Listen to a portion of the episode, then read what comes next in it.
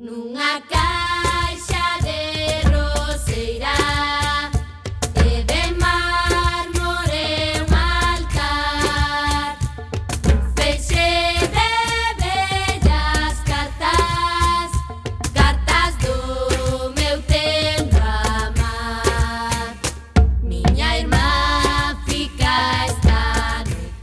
Moi boa tarde, xente recendeira. Benvidos e benvidas a este espacio radiofónico semanal dedicado á cultura, que facemos en riguroso directo todos os martes, ás 7 da tarde, aquí en Coac FM no 103.4, a Radio Comunitaria da Coruña.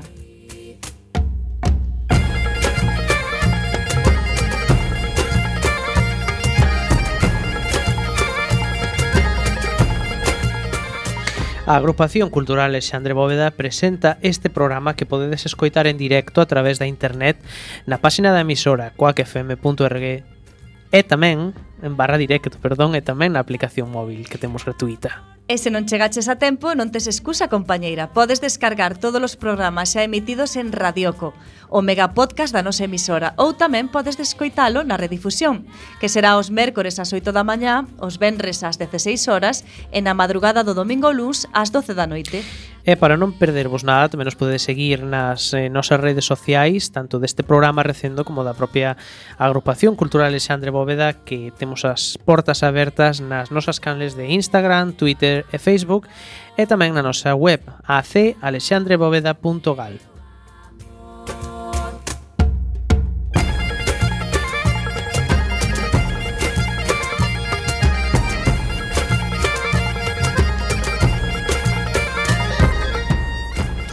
E xa sen máis imos caraló, na procura desta fantástica aventura cultural con Roberto Catoira, perdón, no control técnico. e falándolles coa Almanteira, Miguel Anxo Facal e Marta López.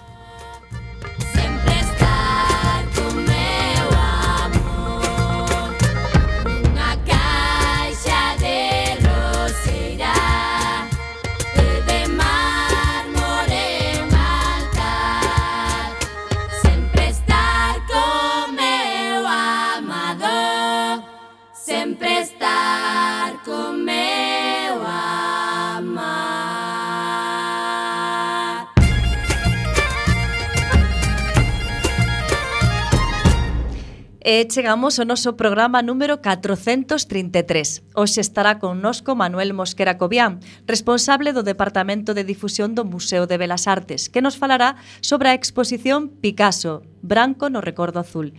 Falaremos tamén das actividades da nosa agrupación e das outras cousas que se fan na Coruña e na Galiza e que tamén son cultura.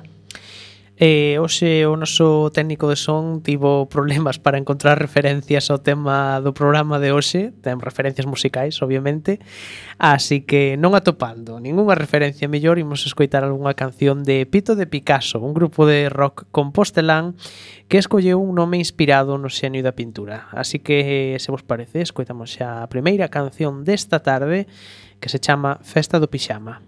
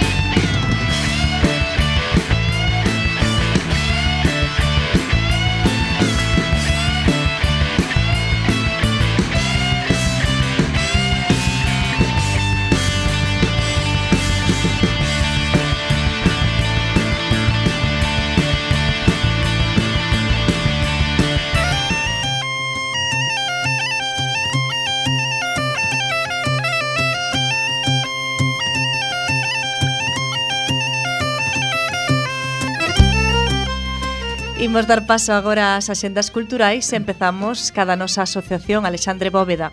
O martes 25, ah, o sea, agora oxe, mesmo, oxe. debe estar rematando no Museo de Belas Artes unha visita guiada á mesma exposición Picasso Branco no Recordo Azul, da que imos falar hoxe en Recendo. Por tanto, esta tarde vai ser moi picasiana para os socios e socios da nosa agrupación. Eh, un saúdo a Portugal tamén, cose feriado en Portugal, hai que tamén. decirlo. eh, o mércores 26 presentamos no noso local o libro eh, Rostros da Memoria, Ferrol 1972, de Xurxo Lobato, editado pola Asociación Cultural Foucault-Buxan. É unha homenaxe ás persoas que sufriron a represión do franquismo polas loitas obreiras en Ferrol e comarca do ano 1972. Na presentación participarán ademais do autor Susana Alaniz, presidenta de Foucault-Buxan, e Manuel Rodríguez Carballeira, Lalán. Será ás sete e media no noso local. O xoves 27 presentamos no noso local o libro de relatos breves Nomes Propios, escrito por Celestino Pérez Recarei e editado por Toxo Soutos. O autor dedicouse fundamentalmente ao ensino como mestre, asesor de formación e director do Centro de Formación e Recursos da Coruña. Acompañará o autor Javier Pintor Elizalde, tamén asesor de formación no Cefore da Coruña, e será ás 19.30 horas no noso local da Rúa Santo André 36, primeiro andar. E terminamos o mes o sábado 29 vía Galega, a plataforma social en defensa dos dereitos nacionais de Galiza da que a Alexandre Bóveda fai parte, convoca un acto conmemorativo de, da Revolución Galega de 1846 e dos mártires de Carral, que rematou co fusilamento do coronel Solís e 12 dos seus oficiais. Será ás 11:30 no campo da feira de Carral.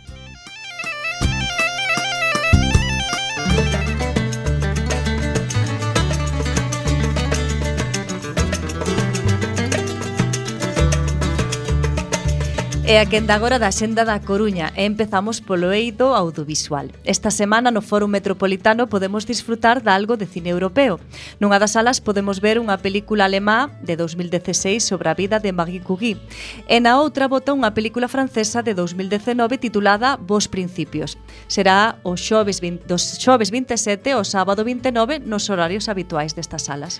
E supoñemos que por terceira e última vez anunciamos a proxección dun interesante documental coruñés e galego neste mes de abril.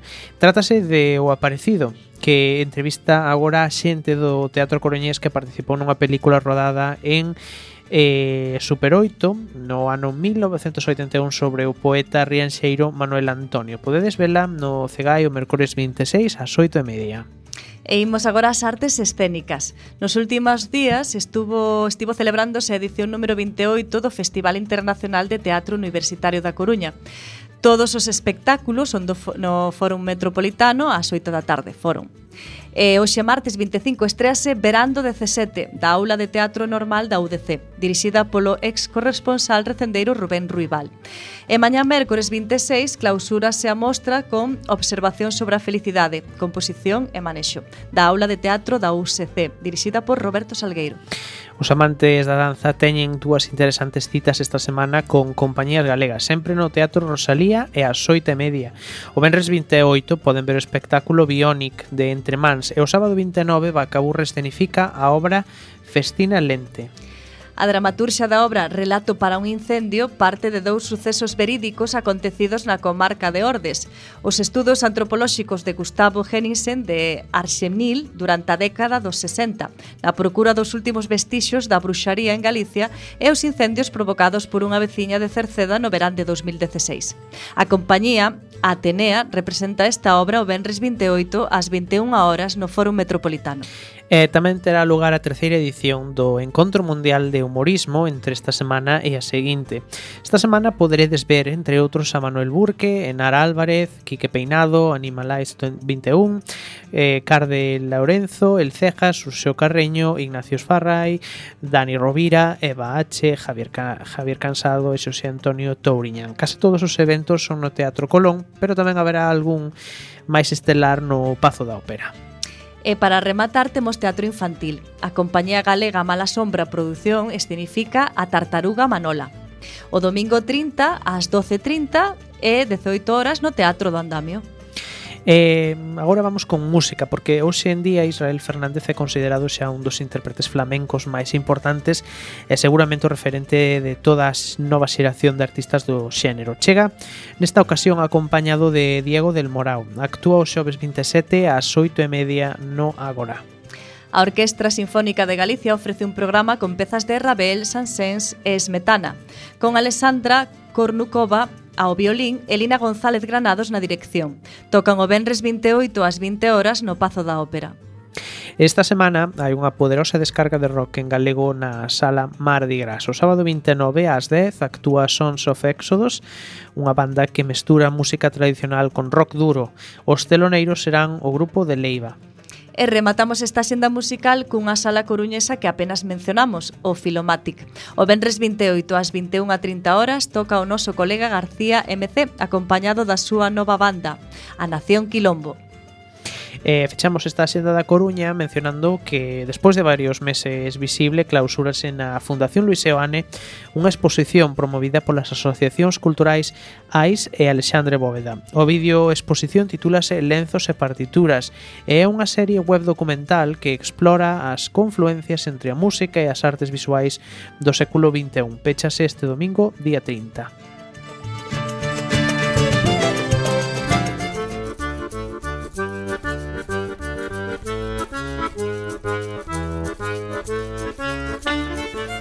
Imos agora a xenda de Galiza. Eh? Empezamos por Ferrol. O ciclo Suseia et Utreia, organizado polo Xacobeo, trae a Galicia artistas de todo o mundo.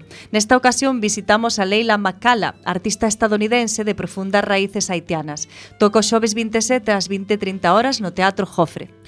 Podemos aproveitar que os nosos amigos do Club Calabichémbalo teñen unha semana moi densa para facerlles promoción. O sábado 29 ás 10:30 toca eh, Andrea and the Black Cats. Xusto a continuación faino o quinteto de jazz de Diego Alonso. E a mañá seguinte, en sesión Bermú, o domingo a unha e media, faino a nosa querida Leticia Rey, deliciosa cantante que xa forma parte da familia Cuáquera. Mandamos un saúdo. Todo isto en Lugo, E pegamos un chimpo a Vigo. Os amantes da danza tamén están de sorte na cidade olívica. O colectivo Globo escenifica a peza Tabú, o venres 28 ás 20 horas.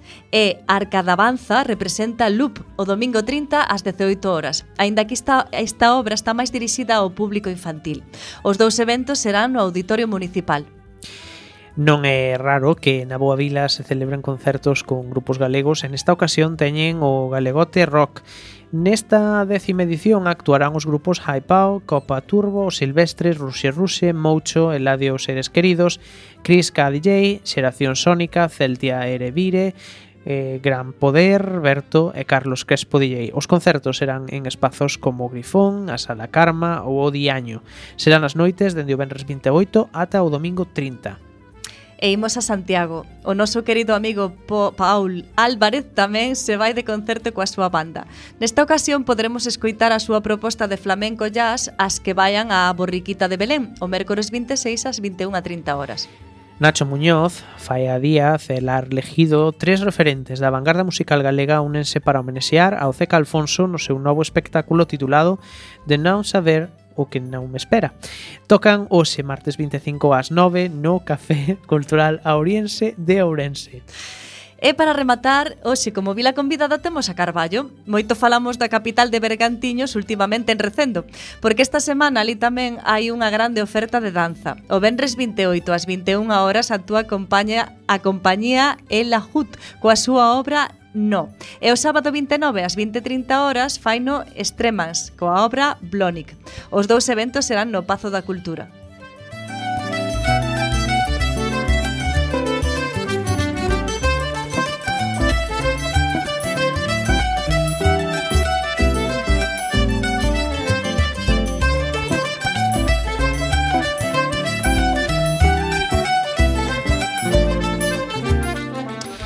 O pasado marzo inaugurábase Picasso Branco no Recordo Azul, unha exposición que forma parte da celebración do 50 aniversario da morte de Picasso.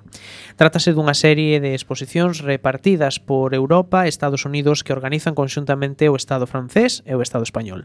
A exposición tenta amosar a decisiva influencia dos anos de formación na Coruña na carreira de Picasso. Situada no Museo de Belas Artes, a exposición conta cos propios fondos do museo e máis presenta préstamos provenientes dos museos Picasso das cidades de Málaga, Barcelona e París. Os diversos fondos foron distribuídos en seccións que tentan amosar os grandes eixos que caracterizan a obra de Picasso, prácticamente o artista máis prolífico da historia da arte. A exposición Picasso, Branco no recordo azul, toma o seu título dun poema escrito polo propio artista e que fai referencia ás, ás cores coas que identificaba a Coruña. Do mesmo xeito que estes días, que estas dúas tonalidades dan nome á súa primeira etapa pictórica. A exhibición complétase cun ciclo de conferencias que tenta indagar na relación de Picasso coas mulleres. Estas conferencias realízanse na Fundación Luis Seoane. Para completar o aniversario da morte do artista, tamén se preparou un ciclo de cinema. Para contarnos máis desta celebración, temos hoxe connosco a Manuel Mosquera. Moi boas tardes, Manuel. Hola, boas tardes. Que tal, como estás? Moi ben. Pois nos encantados de que estes aquí. Vale, gracias por invitarnos, eh, poder falar de, da exposición de Picasso. Moitas gracias a ti por vir. Pois para comenzar, Canto tempo se levaba preparando a exposición de Pablo Picasso na Coruña? Contanos. Bueno, este proxecto leva prácticamente tres anos desde que se empezou a falar del, pero sobre todo, bueno, dous anos eh, intensos, non?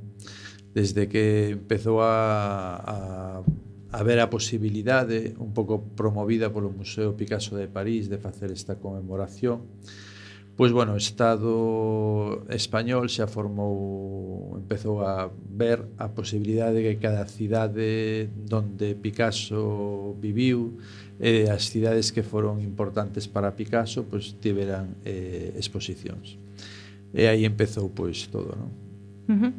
E a cidade sempre estivo presente na celebración do 50 aniversario da morte do artista ou houve que pelexar para que contase con ela? Non, bueno, isto foi unha cousa que cambiou eh, desde a exposición do 2015, o primeiro Picasso, unha que tamén estivo no museo, que un pouco xa asentou todo ese traballo de moitas persoas de Coruña e despois de investigadores de fora de, de Coruña que desde esa exposición pues está sentado que Coruña é unha cidade picasiana, sobre todo no ámbito de investigadores e de xente preocupada por Picasso, non?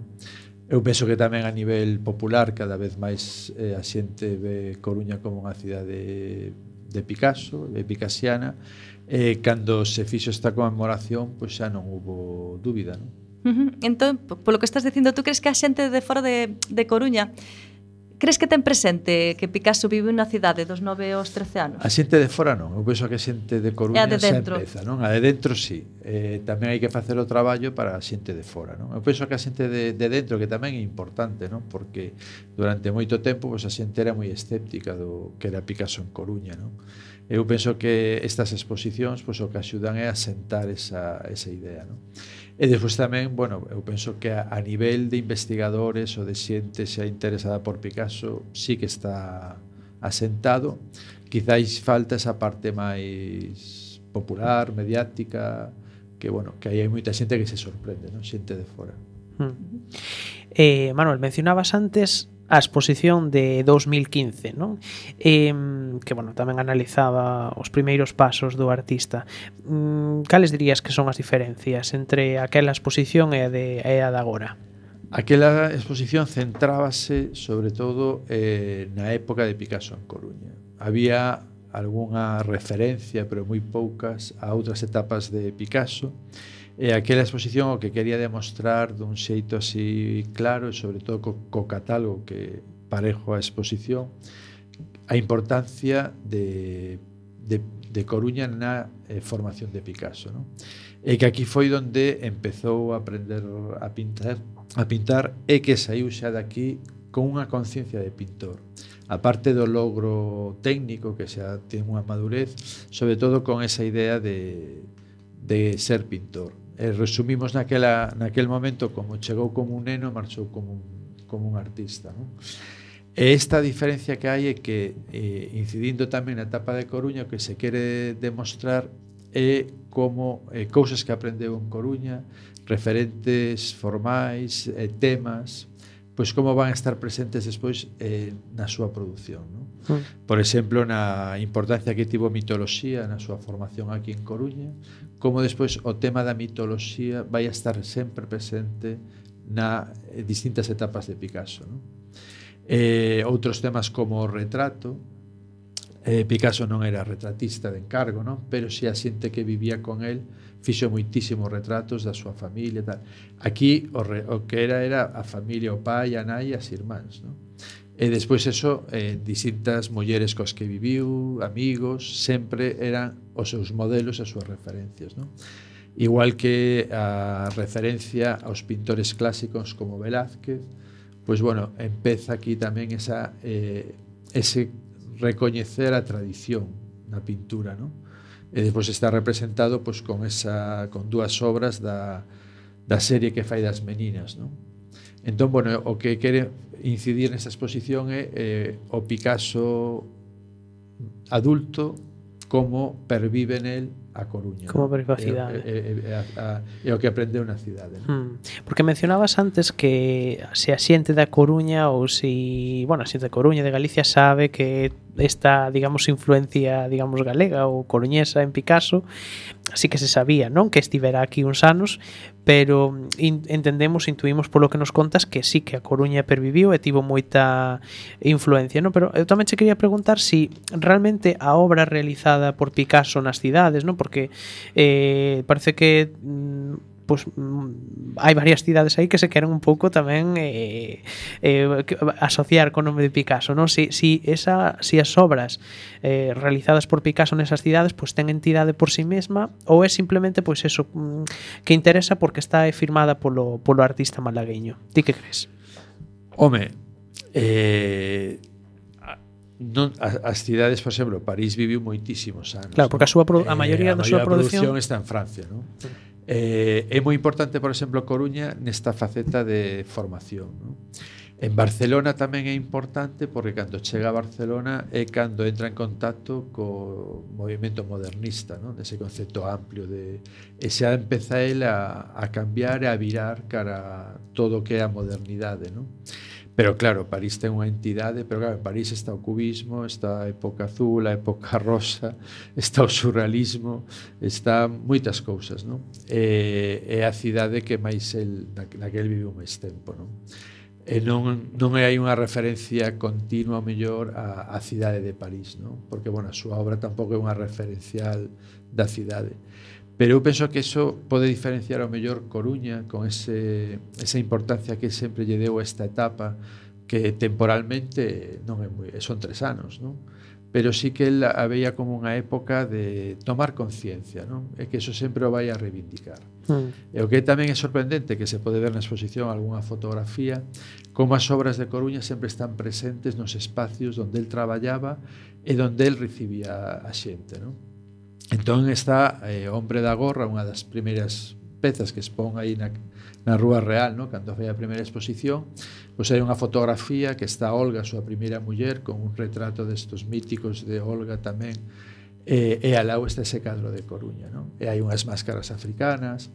Entón aquí sí que hai unha referencia de, dese de tempo, non? que ao mellor en París pois, se dilúe porque claro, é unha vivencia moi moi prolongada, non? E con un estilos bueno, con outro mundo, non? Porque tamén París foi unha cidade que recolleu a xente de todo o mundo naquela época, non? Sobre todo esta Segunda Guerra Mundial, era o punto onde confluían artistas sobre todo de Europa, non? Pero bueno, tamén de outras zonas de, por exemplo, Diego de Rivera, eh, algúns pintores eh, sudamericanos, algún pintor tamén Oriente, pero foi unha cidade onde sí que confluíron moitas ideas que non están tan vinculadas á cidade. É o espacio onde se dan esas ideas pero o espacio non influe moitas veces na, na conformación das obras. Non? Bueno, en calquera caso, digamos que Coruña sí que en certa medida un pouco marcou, non? Quero decir, sí que el eh, bueno, pois pues, tivo, levou con algo de Coruña con el, non é decir eh, Sí, sí, sí, el Coruña, eh, aparte, bueno, en declaracións, e eh, sobre todo esta maneira de mostrar as obras, non? Eh, o cadro ese tamén así de, de a nena dos pés descaltos, pois é unha obra que lle acompaña sempre, non? Eh, e despois el, esas obras sempre están nos seus espacios, donde aparte a xente as podía ver non era non estaban agochadas, a mellor outras obras que gardou en Barcelona, si, sí, pero había unha serie de cadros que estaban. Un pequeno cadro tamén que hai dos Moinho de Santa Margarida, pois estaba ali con pezas cubistas, non?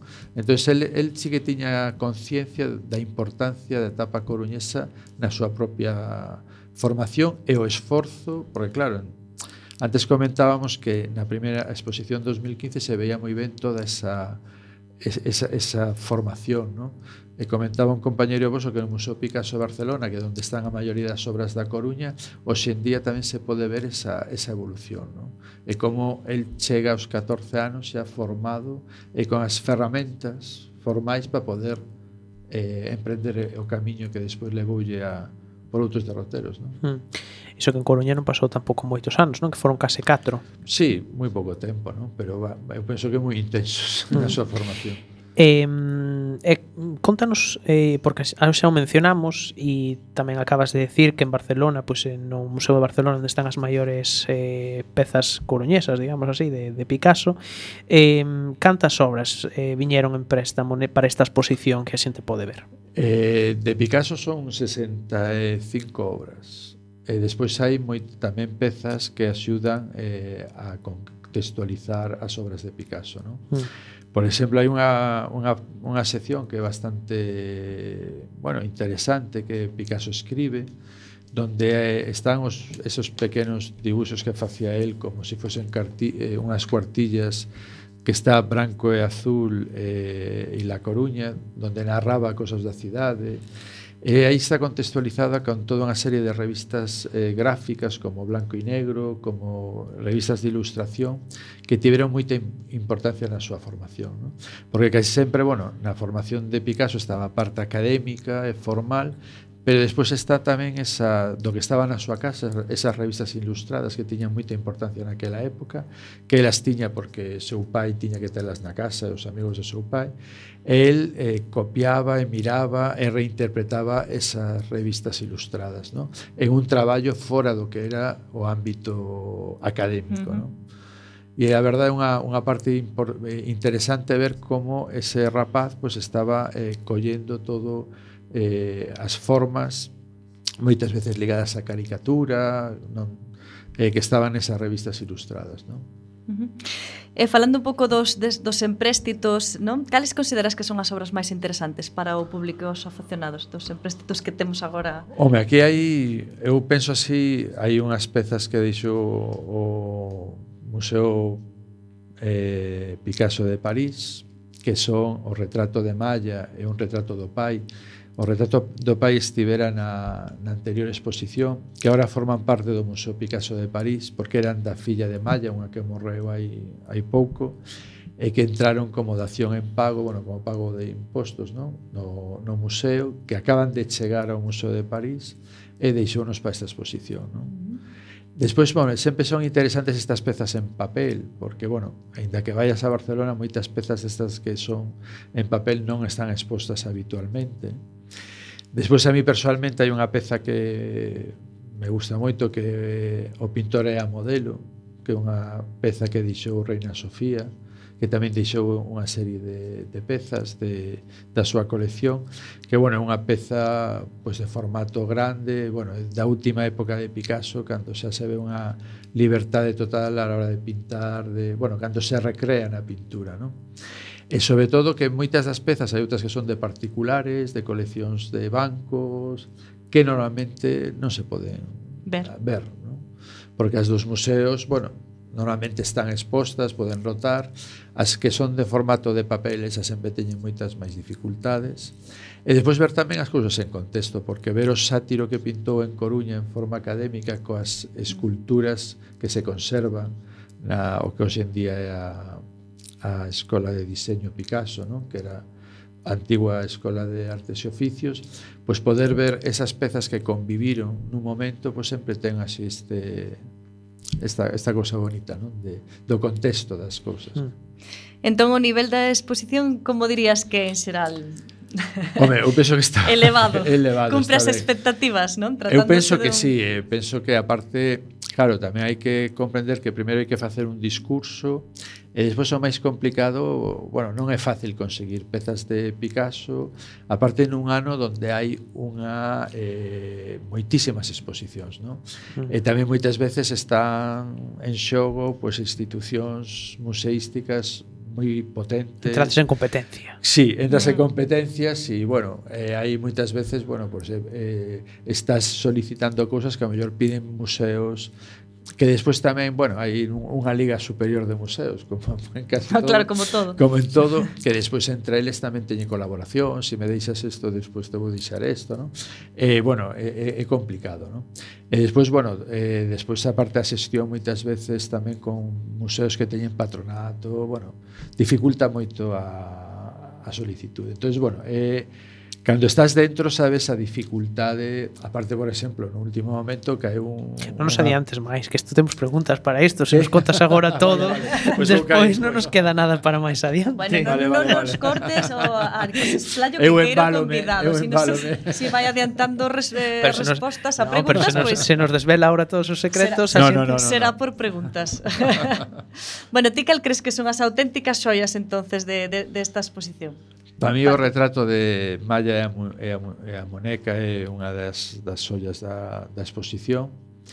E despois esta de a pintor, o pintore a modelo de última etapa. Sí, que xa nos dixeras antes. Pero bueno, pa, tamén é unha cousa personal. personal. mellor está aquí un dos comisarios e seguro que fai unha referencia ou discrepa disti- o, o discrepa porque bueno, tamén moitas veces está aí o, o gusto de un, non? Claro, gusto personal, dende logo.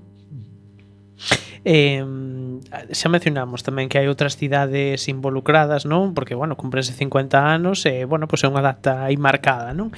Eh, que outras cidades contan con exposicións así por se a xente quere organizar un fin de semana picasiano, por exemplo, sí, bueno, está Málaga, Málaga, está Málaga, Barcelona, París, Madrid e así que están dentro desta conmemoración, non?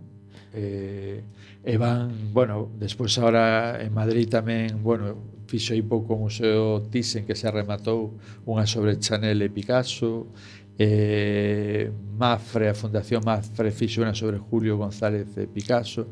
Algúnas están na conmemoración e outras aproveitan tamén o, o, o momento tamén para fazer estas exposicións. Pero bueno, hai, hai moitas, eh?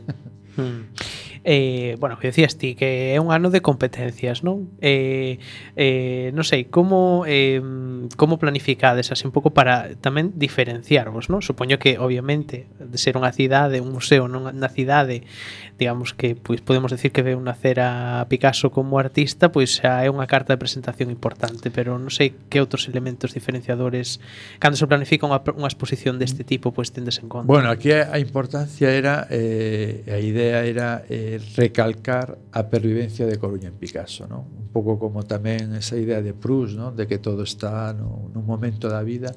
Eh, era un pouco tamén a maneira de diferenciarse ao mellor de outras propostas de outros museos e outras cidades. Non? Eh, se fixo fincapé nesa, nesa cuestión non? De, da, da evocación, do recordo, frente a outras pois, que a mellor van por outros parámetros máis temáticos, cronolóxicos ou estilísticos. Non? Uh -huh. E contanos un pouco como está organizada esta exposición, porque temos entendido que está dividida en 10 partes diferentes. Contanos así un pouquiño, que se vai encontrar sí. a xente cando vai ao Museo de Belas Artes. A exposición ten, está dividida en, en 10 seccións, non? Eh, esas seccións o que intentan é pois, ver desas épocas de formación. A primeira é o academicismo, non? é a xénesis de que está todo, sobre todo centrado en dous temas que é o, o fauno e o home do cordeiro, que son, sobre todo o fauno é un tema recurrente. E que, o, e, que é un tema que, mm, que naceu está, aquí en Coruña. Naceu aquí en Coruña porque, bueno, había un exercicio que era pintar un fauno, a cabeza dun fauno era unha parte do exercicio que tiña, non? Eh, despois ese tema é dos máis abundantes en, en Picasso, non? Despois tamén, bueno, hai unha referencia, outro apartado que é o realismo, a paisaxe, a etnografía, non? Que ese é un tema que tratou máis aquí e que despois en outras épocas eh, non tratou tanto, pero hai aquí unha referencia a outras épocas. Despois a importancia do retrato, do autorretrato en Picasso, non? que sí que un, é, é unha das secciones máis importantes da, da exposición, con pezas eso como as os retratos das mulleres, da súa filla, do seu pai, da, da irmán, e algún autorretrato del. Despois tamén a, o nacimiento da conciencia crítica, no? alrededor do, das primeiras eh, pinturas sociais que fai aquí en Coruña e despois está a importancia da, do Guernica non? e de todo o que hai antes e despois do Guernica desa conciencia crítica que ten Picasso que aquí en Coruña tamén eh, se pode seguir non? despois esa sección de Picasso escribe que quizás o máis desconocido tanto o que escribe como esa colaboración con moitísimos escritores aquí se centra en Cela en toda a súa relación en la ilustración, eh, todo das revistas de Cela cando está en Palma de Mallorca, pero é que en, en Francia el colabora con moitísimos escritores en, la, en el diseño, en, en, en nas súas revistas. Ese primeiro momento que en Coruña el fai as súas propias revistas para enviar as familiares, Despois tamén a arte nunca é casta e o erotismo, non? É outra das seccións Esa, bueno, a parte de importancia, bueno, parece que o primeiro desnudo que veu Picasso, dos primeiros desnudos que dibuxou foi aquí en Coruña, pero sobre todo esa idea de que a arte nunca é casta tamén como esa eh, conciencia de que a arte ten que ser unha ruptura que non se enter, non ten que ser normativa para avanzar e para comunicar e para romper pois as normas, non? Despois hai unha parte eh, tamén dedicada ao cubismo, aos grandes mestres, que se fusiona con outra eh, na exposición dos mosqueteiros son esos temas referenciais que el ten en Coruña todos a súa primeira relación con Velázquez e sobre todo bueno, con mosqueteiros e despois a importancia do o pintor e o seu modelo non? porque esta engloba eh, a unha serie de cadros que el fai sempre de a pintor e a modelo el interpreta sempre que ese pintor é seu pai non é mm. tanto unha representación de si sí mesmo como si sí que é unha representación do seu pai. Uh -huh. Entón en Coruña fai moitísimos retratos do pai, eh, tanto en dibuxo como un óleo que está na exposición moi bo e despois sobre todo esa, esa referencia sempre que cando está facendo esa serie é sempre ten como unha vocación ao pai e é unha, unha verdad unha sección que tamén eh, se relaciona con a de retrato e autorretrato non? Uh -huh. Bueno, ás veces dá a sensación de que a figura de Picasso está como sendo sobreexplotada pola cidade, non? Canto crees que hai de certo nesta, nesta afirmación? Bueno, eu penso que esta aínda pode ser máis. aínda se pode explotar sí, máis, que non? esta cousa, bueno, bastante comedida, non? Pero bueno, eu penso que hai que buscar un equilibrio entre o que é a veracidade do que é Picasso e Coruña e non caer ao mellor pois na exageración moitas veces de buscar cousas que non hai, non? Pero bueno, a verdade é unha oportunidade porque estas exposiciones que xa pasou co anterior tamén teñen moita repercusión. Moi, moita moito repercusión no público porque claro, fusionan o local con un tema de unha referencia tamén pois eh, mundial, non? Porque sí, moi caso, importante. Entón esa, esa, esa, esa combinación das dúas cousas axuda, non? Entón a, a cidade tamén ten que buscar un equilibrio entre o que foi a cidade naquela época que pasou aquí con Picasso, pero claro, nunca era o mellor nunha... sen pasarse. sen pasarse, exactamente. Bueno, xa nos comentache que eh, os anos, estes anos, estes 4 anos na cidade foron fundamentais para a súa formación, pero sabemos es, que é o que pensaba Picasso acerca deses anos que pasou en Coruña. Sí, porque hai referencias de cando se encontra con Tenreiro, con os dos Tenreiros, pois fala de, de Coruña, cando está con Olano, un periodista galego, fala de súa relación con Coruña. Entón sí que hai referencias del, declaracións de, de Coruña. E despois o que é importante eh, que el eh, conservou todas as obras da época de Coruña. Unha parte nos seus estudios e outra parte as conservou a familia en Barcelona, a, a súa nai e a súa irmã Lola. Non? E despois el doa esas pezas de Coruña ao Museo Picasso de Barcelona. Non? O Museo Picasso de Barcelona é un, pica, un museo no que el se vinculou moito porque fixo doazóns importantes. Non? Entón que el conservase e que tivera sempre con, consigo estas pezas dá tamén a importancia para el da, da relación coa cidade. Non? Bueno, antes nos comentabas que el gardaba, non prácticamente todo. Sí, guardaba moitas cousas. Estaba sí. moi orgulloso da, da súa sí, sí. obra, non? Non, sí, sí, non había sí. nada que rexeitase ou que no, se no, avergoñase, no, no, como lle no, pode no, pasar nada. a outros E aparte artistas. buscou a maneira de tamén de deixalo nun lugar referente para el como foi o Museo Picasso de Barcelona, non? Que tamén a, a sección, a, perdón, a, a serie das meninas fixo tamén a doazón de toda a serie, teñen moitísimas razón a parte dos seus amigos de Barcelona, moitas do propio Picasso, non? Uh -huh. E hai outras cidades que presuman tanto como a nós eh, de Picasso, a pesar bueno, de que o mellor es... Málaga, Ma, pero Málaga. no, no, eh, pasando menos tempo me refiro, non, sí, porque, porque Málaga, Málaga foi pasou, a cidade sí. que, claro, naceu, estivo naceu ali, ali, despois pasou ali parte antes de ir entre Coruña e Barcelona. Eh, Málaga sí que, bueno, eh, de ser unha cidade que tiña casa natal, pois ahora ten un Museo Picasso de Barcelona importante, no que está bastante vinculada a parte da familia, e despois sobre todo un peso que é Barcelona, no? Barcelona ten un peso que sempre reivindicou a figura de Picasso, e despois, bueno, París, pero bueno, eu penso que Málaga quizás foi a que deulle nestos anos pois unha nova lectura, o mellor, bueno, tamén a toda a cidade, non? Mm el tamén estivo estudando en Madrid, non? Pero parece que aquí en Madrid a Picasso non o quere así... Bueno, Madrid ten, ten a sorte que ten un mito ali que é o Guernica, que ten unha colección... Entón xa non lle fai falta moito, no, tampouco... Claro, el estivo ali na Academia, despois visitou o Museo, o Museo do Prado, e o que sí que é verdade, eh, tanto o Museo do Prado nos últimos anos, así, bueno, fixo varias exposicións sobre Picasso e... Eh, e a tradición hai uns anos, non, non recordo o ano exacto, me fixo unha exposición interesantísima sobre toda a relación de Picasso e os pintores antiguos, non? E, e despois eh, o Reina Sofía eh, que eu, bueno, estiven hai pouco visitando toda a reforma da, da colección e a verdade desde os últimos anos eh, eh, o incremento de pezas de Picasso e a referencia de Picasso na colección é moito maior, non? E despois, claro, ten o Guernica, que o Guernica é un, en si sí mesmo é toda unha historia, é, un, é unha obra moi mítica, non? Uh -huh. Eh, estamos falando con Manuel Mosquera, responsable do Departamento de Difusión do Museo de Belas Artes, que antes o cortei porque se estaba adiantando todas as preguntas, porque eu eh, quería che preguntar xusto agora o que estabas ibas contar, non? E Que quere preguntar claro, el. Non, sí, porque sí, sí. para non adiantarnos isto e non facer spoilers, como se adoita decir, non?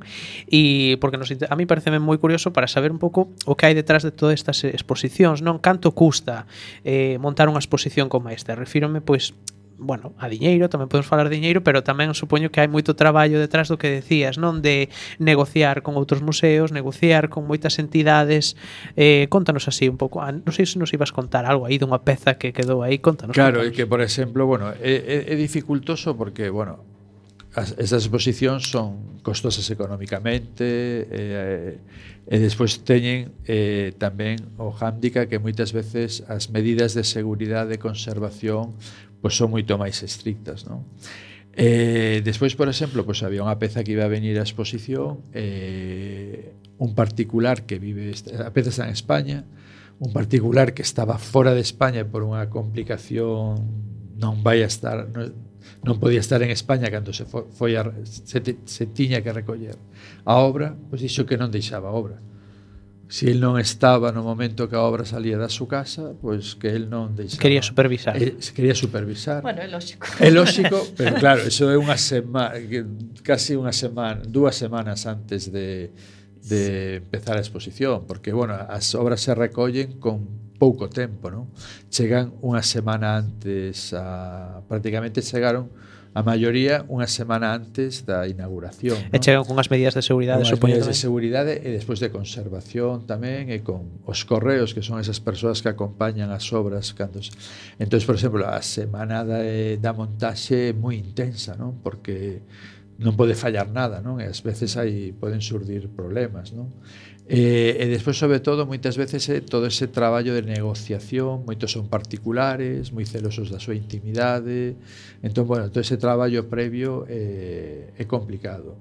E despois tamén aquí hai que traballar en paralelo coa Administración Picasso, que son os que velan polos dereitos de imaxe, e que, bueno, opinan de todo e teñen que dar visto bo a moitas cousas, non? Entón, esa estrategia, pois, bueno, é complicada. Neste caso, pola experiencia da exposición anterior das persoas que estaban no comisariado, pois, bueno, eso axuda moito, non? Pero son exposicións complexas, non? E intensas. Mm. E dirías que merece a pena a inversión? Home, eu penso que sí.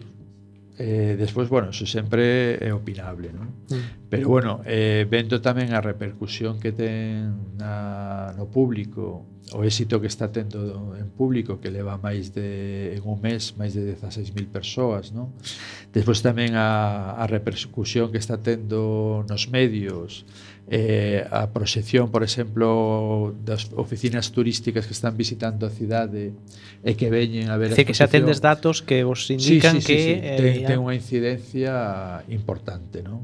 Eh, todo eso eu penso que sí, despois claro, sempre todas esas cousas se poden opinar, pero eu penso que a incidencia da exposición eh, neste momento está sendo boa, non? Claro, bueno, isto eh, está claro que vai haber sempre xente que igual pense que é mellor traer, non sei, un equipo de fútbol ou calquera claro, cosa. Sí, sí, ou, o que bueno, culturalmente, hay, hay o que na cultura se poda invertir noutras cousas, o sea, Eso é, pero bueno, penso que nos, non sei canto chegaremos, pero bueno, vai a ter un, un éxito de, de público e despois tamén, bueno, a, a institución e tamén lle dá un prestixio en colaboración despois con outros museos mm. e despois tamén se fai ese traballo que está tamén ligado ao, ao turismo cultural, non? De, posicionar a Coruña con Picasso, bueno, eu penso que todas ese tipo de cousas eh, suman, non? E estes esforzos monetarios tamén se realizan, bueno, monetarios é que non son monetarios, non? Tamén se realizan pois cando se fan exposicións que lembran, por exemplo, a outros artistas galegos, a outras artistas galegas. Sí, o sea, ao mellor non a cuantía económica, porque isto, claro, eh, ten unha cuantía grande, pero sí que se fixeron exposicións de artistas galegos ou de contexto galego que sí que tiñan tiñan todo este esforzo detrás, eh? Eh, este o que ten, pois bueno, ten esa complexidade de Picasso, obras que moitas están no estranxeiro, bueno, todo este movimento de, de pezas, pero bueno, outras exposicións que tivemos e que se fixeron. A mellor non, non tanto esforzo económico, pero podo che asegurar que o esforzo intelectual e de compromiso cas obras o mismo ou máis en outras ocasións. Eh? Hmm. E agora cambiando un pouquiño, eh, contanos cales son os filmes que podemos ver como complemento da exposición? Bueno, ahora empecemos eh, de actividades, eh, aparte de, temos o cine, temos conferencias, un ciclo de conferencias que tamén empeza mañán, temos obradoiros de familia, obradoiros juvenis, e eh, o que, bueno, pense, eh, tamén uns ciclos de concertos relacionados coas cidades, eh, a música das cidades e Picasso, non? E despois, bueno, os empezamos eh, o cine que, bueno, a idea era tamén para dar esa referencia eh, abrir a exposición a máis ámbitos, non? Eh, os, as películas que se proxetan, a idea que moitas son películas, outros documentais, e un pouco tamén era eh, intentar aquelas que son que teñen máis dificultades para, para ver, non? Uh -huh. eh, despois en algunhas desas o que se intentaba era que Eso foi o criterio que se sí, escolleu para Si, sí, se escolleu a Sí, eh, algunhas hoxe sobre el Guernica, non? que documentais sobre a produción do Guernica, Pero despois algunhas películas tanto de a visión de sobre Picasso, pero tamén na que Picasso moitas veces é, eh, é o está tamén implicado en algunhas películas na súa produción, non? Uh -huh. E sobre todo porque aparte hai unha cosa moi curiosa de Picasso que se está empezando a investigar bastante, que é a influencia da fotografía na na produción de Picasso, non? El aparte de ser, como decíamos antes, guardar todo, fotografiaba todo. Eh, ten moitísimas fotografías no, donde ele é o protagonismo, pero tamén é moi interesante eh, que é moi desconocido Picasso como investigador na produción fotográfica e a colaboración con fotógrafos é algo que se está empezando a investigar. E moitas veces en, en no cine tamén ten esa, esa vinculación con, con el, non? Mm eh, está, o sea, está funcionando entonces o ciclo de cinema e ten afluencia empeza, de xente. Empeza hoxe. Ah, así empeza que hoxe, non sabemos. Ainda non se sabe. non se sabe. Aí deixamos hoxe, como anuncio. Eh, deben de estar agora na presentación, empezaba a sete e media, Eh, bueno, supoñemos que sí.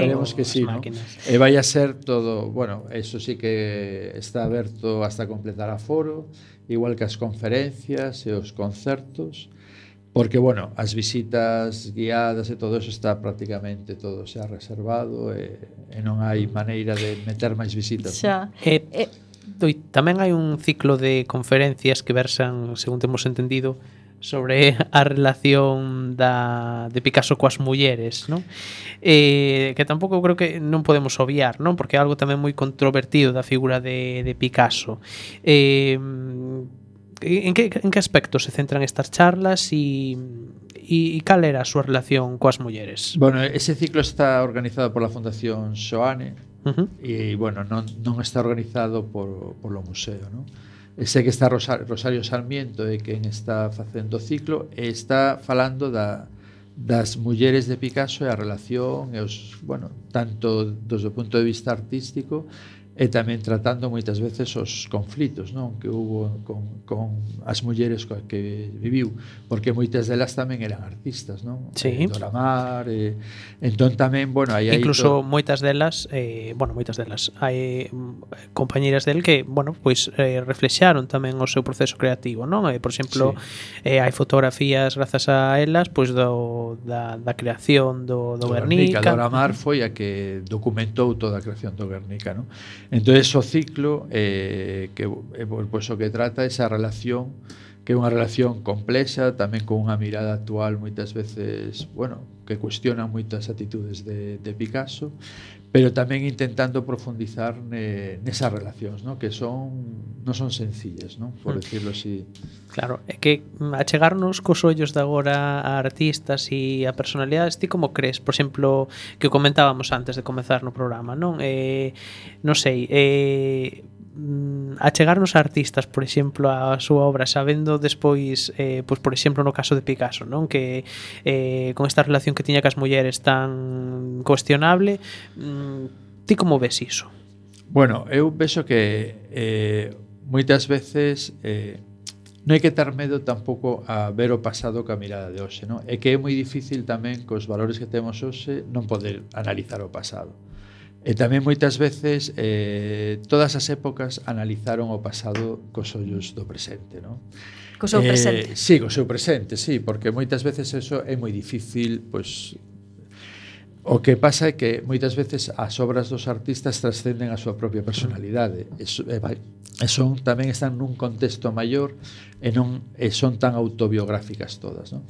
Pero eu penso que o que sobre todo que non hai que é, é eludir o debate, uh -huh. hai que falar de, con liberdade, hai posturas, aparte hai posturas encontradas, hai moitas investigadores destas mulleres que viviron co Picasso que o que están reivindicando é que son moito máis que a vida con Picasso e que moitas veces están codificando e limitando a relación con Picasso. Non? E moitas das que se investigan o que están reivindicando tamén é que esas mulleres foron mulleres libres, creativas, que tiveron os seus problemas con Picasso, pero que foron moito máis que a muller de Picasso. Sí, ¿no? as parellas de as Picasso. As parellas de Picasso. Eh, sobre todo que non hai que ter medo é eh, a, ao debate, ¿no? que parece tamén que moitas veces, tanto por un lado como por outro, se quere ser moi tasativo. ¿no? Entonces, ou obviar bueno, moitas veces obviar, iso. ¿no? Obviar, hai xente que se quere negar a falar deso. Non, hai que falar, eh, bueno, poñer cada un as súas posturas e debatir e tamén abrirse a debates porque o que un diga non quere dicir que sea a realidade. non, dende logo. Mira, xa está facendo, estábamos facendo sinais o noso técnico porque que, nada, quedan dos minutos, chegamos ao final. Eh, Manuel Mosquera, moitísimas grazas e vamos che pedir que nos dixeras mm, eh, por que ir ver esta exposición, pero creo que pero xa creo con que todo o que clarísimo. dixemos quedou sí. bastante claro. Así que, que só sí. che agradecemos que tivese subidose aquí a Zapateira a participar neste recendo. Moitísimas gracias. Nada, gracias a vos e animar a xente que vaya á exposición e as actividades donde que está atacando, por certo. Hasta o 25 de suño. Ata o 25, o sea, que hai tempo, pero hai xente tempo. que non se esqueza, sí, sí, sí. que vai anotando nas axendas. Pois moitas grazas, vale, Manuel, por gracias estar connosco. Eh, sen tempo para máis Odiseas, chegamos a fin deste camiño, deste recendo, despedimos o programa de hoxe agradecendo os nosos convidados que, como sempre, foron de honra. Hoxe, como decíamos, estivo connosco Manuel Mosquera, responsable do Departamento de Difusión do Museo de Belas Artes. E agradecendo a semente pedra angular de todo, o noso comando e equipo equipo de producción formado por Javier Pereira, Gemma Millán e Roberto Catoira. E aquí estivemos Roberto Catoira nos controis e coal en todo o micrófono Miguel Anxo Facal e Marta López, que subiu aos estudios despois de moito tempo. acompañándote neste recendo de palabras e imaxes radiofónicas que nos traen este aroma cantado na nosa lingua e que nos permite hoxe tamén no futuro